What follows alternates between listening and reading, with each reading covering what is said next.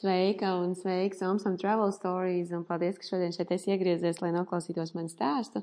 Šis ir stāsts latviešu valodā par Hongkongu, kur es biju pavisam nesen. Tas bija šī gada sākumā, tieši tad, kad mums sākās viss skaistais koronavīrus pasaulē, un man šķita, ka es aizbēgšu ļoti veiksmīgi no Ķīnas un Hongkongas un, un iebraukšu Latvijā. Un, vai kaut kur aizbrauks citur, un tas beigsies vienkārši tajā galā, bet diemžēl tā nenotika. Bet uh, man bija tāda iespēja mazliet izbaudīt Hongkongu, un uh, man gan nebija nekad bijis tāds īsti iemesls, o, oh, jā, Hongkonga ir tā vieta, uz kurienes gribētu braukt un to apskatīt, bet, nu, it kā.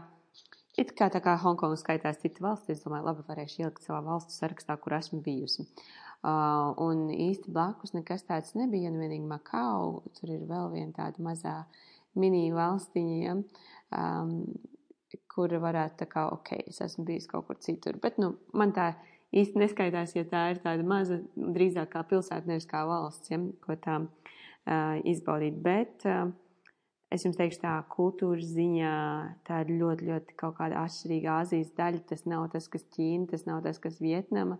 Uh, esmu abās pabijis diezgan ilgi, lai saprastu tās atšķirības, un, un tas arī nav nekas līdzīgs kā Nezinu, varbūt kāds iedomātos, ka taisnība tur Āzijas tas gals ir ļoti līdzīgs Hongkongai. Hongkonga uh, bija tā, ka es aizbraucu un es kaut kā, wow, es nevaru īsti iejusties savā ādā Hongkongā. Un um, man bija tāds diezgan, es biju pirms tam Ķīnā, lidoju uz vienu pilsētu netālu no uh, Hongkongas, un tad ar ātrvilcienu braucu uz Hongkongu. Un ir diezgan forši tiem ātrvilcieniem, tu esi kaut kādas pusstundas laikā, tu esi citā valstī, kaut gan, nu, Latvijas izmēros tev ir tāda vilciena, tas tā kā Daugavpils liepāja būtu jābrauc, jā, bet Ķīna ir tiešām ļoti attīstīta transporta ziņā. Tas ir cepur nost, tur ir ko pamācīties, ir ko pabrīnīties.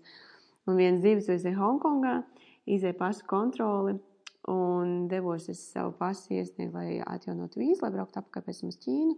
Un tur maz, maz tādi sarežģījumi, kaut kāda pārpratuma bija, kad nu, man pasē bija pirms kāda pusgada izkusus šokolādu, un viņi tādi mazliet uh, mazliet ne tādi izskatījās, bet nu, es jau biju pāris bijis dabūs un caur robežām bijis nekad, neko parasti neviens tur ieplā paskatās, varbūt šķīvi, kas tur notika, saku, šokolādiskus.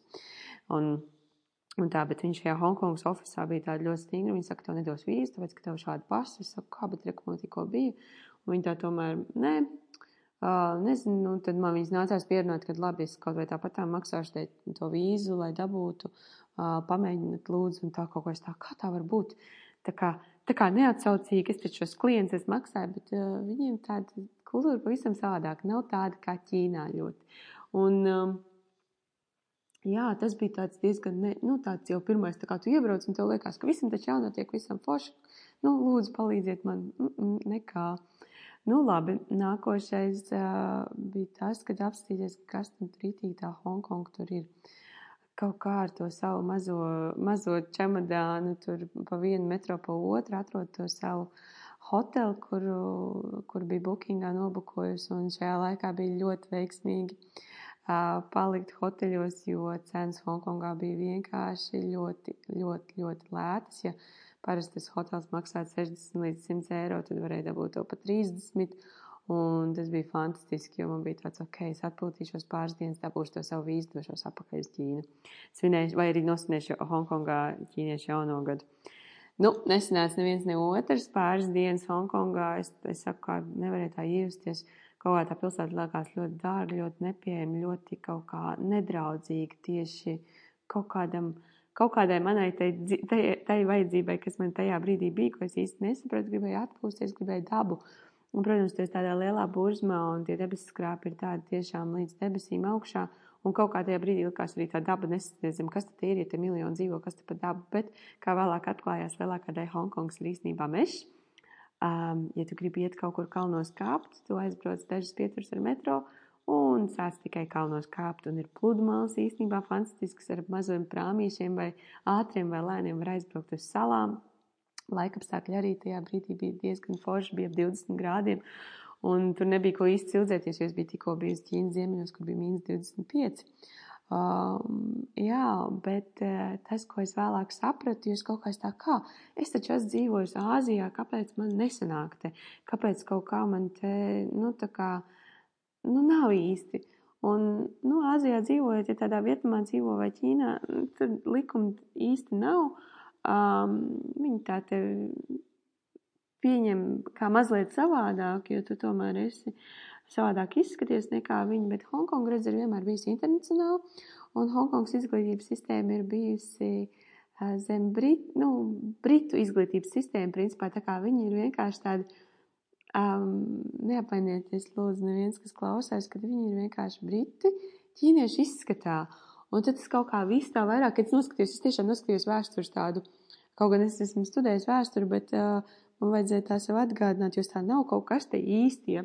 Un pasties par to vēsturi, jā, ka tie briti nevarēja viņus tur ritīgi apspriest, un tad viņi, protams, iedeva viņiem to savu izglītības sistēmu, kā jau tas Briti impērijai um, daudz kur apkārt pasaulē sanāca. Un, jā, un, protams, tas ir mācīt pēc brītu tā dzīves stila. Un tas ir tā, ka tu ej veikalā un tu tur no ielas nopirci to kartupeli, kaut kādu saldo un grauzu. Un viņi saka, lūdzu, iziet ārā no veikala ar savu ēdienu. Un es tā kā, parasti viņi tur tajā Vietnamā un Ķīnā ēd vienalga, kur pagadās, viņiem neinteresē, kādu tu tur savu ēdienu ienāc, kur iekšā. Un, un tiešām viņi tādi daudz pieklājīgāki, tiešām gaida luksuforā zaļo vai sarkano, pie sarkanā apstājās. Un, Un ir tāds um, izglītības līmenis, un tieši tāda sajūta arī ir. Tā kā, tā kā Eiropā baigie likumi, visur raksta, ko nedrīkst, ko tā, ko šitā. Nu, tā dažas dienas man to sanāca pierast, un tad jūs atradat atkal to savu ceļu, uh, kā dienas padarīt jaukas, prā, braukāties ar prāmīšiem apkārt, jo prāms ir kā daļa no publiskā transporta, un uh, sabiedriskais, sabiedriskā transports, sabiedriskais transports ir ļoti lēts tur, un tu vari aizbraukt, izstaigāties gar vienu ūdens man gar otru, jo tāpat Hongkongas sala ir tā kā sala, Un uz šīs salas ir vienkārši milzīgi daudz takas. Tu vari iet, un tu esi tādos foršos džungļos, ir visādi dzīvnieki, putni. Un tu uzkāp, tā kā vairāk tu sāc tā kā, tā kā kāp augšā kalnos, un redzi vienmēr to Hongkongu tā kā no augšas, kad esi tajā dabā iekšā. Un jā, un man tā bija viens, divas tā, oh, forši īstenībā es līdz tam katram takām varu tikt ar autobusu vai ar metro.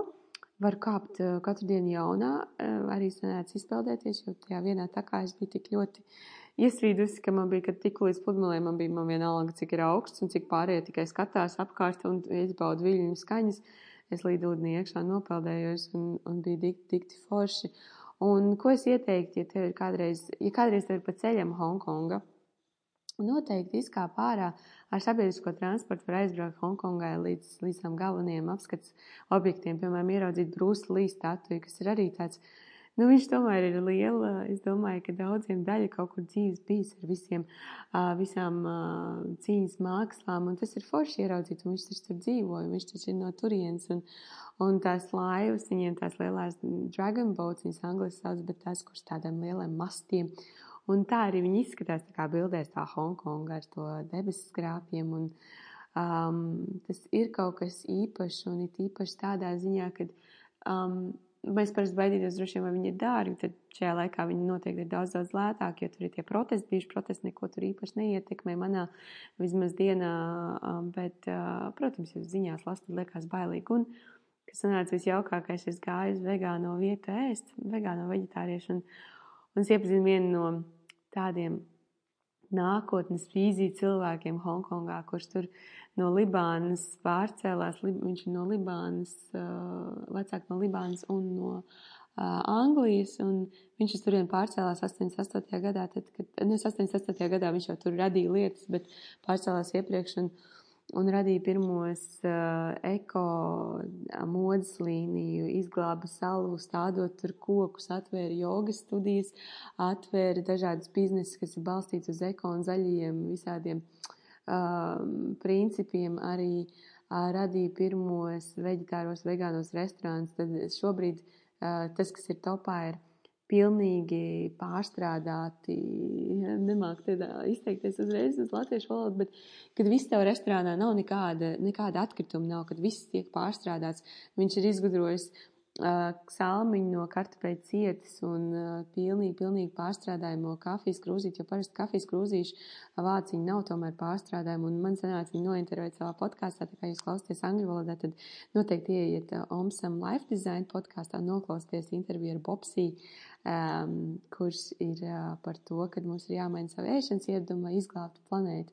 Tā kā tas Hongkongas piedzīvojums bija tāds foršs, īss un tomēr beig beigās labs. Ja tev ir vēl vairāk jautājumu, ieteikumu, vēl kaut ko gribi dzirdēt, droši raksti man uz omsam.gmail.com, padalies ar šo podkāstu, ar podkāstu channelu, paklausies latviski, angliski podkāstus un ziņo, kā tev patīk un par ko tu vēl gribētu dzirdēt, kādu vēl valsti tu gribētu caur manu stāstu iepazīt, vai manu darba pieredzi, vai manu ceļošanas pieredzi, vai atpūtas pieredzi um, droši raksti. Paldies, ka esi šeit, ka klausies, lai tev superīga diena, vakars, jebkad, kad tu klausies. Čau, čau!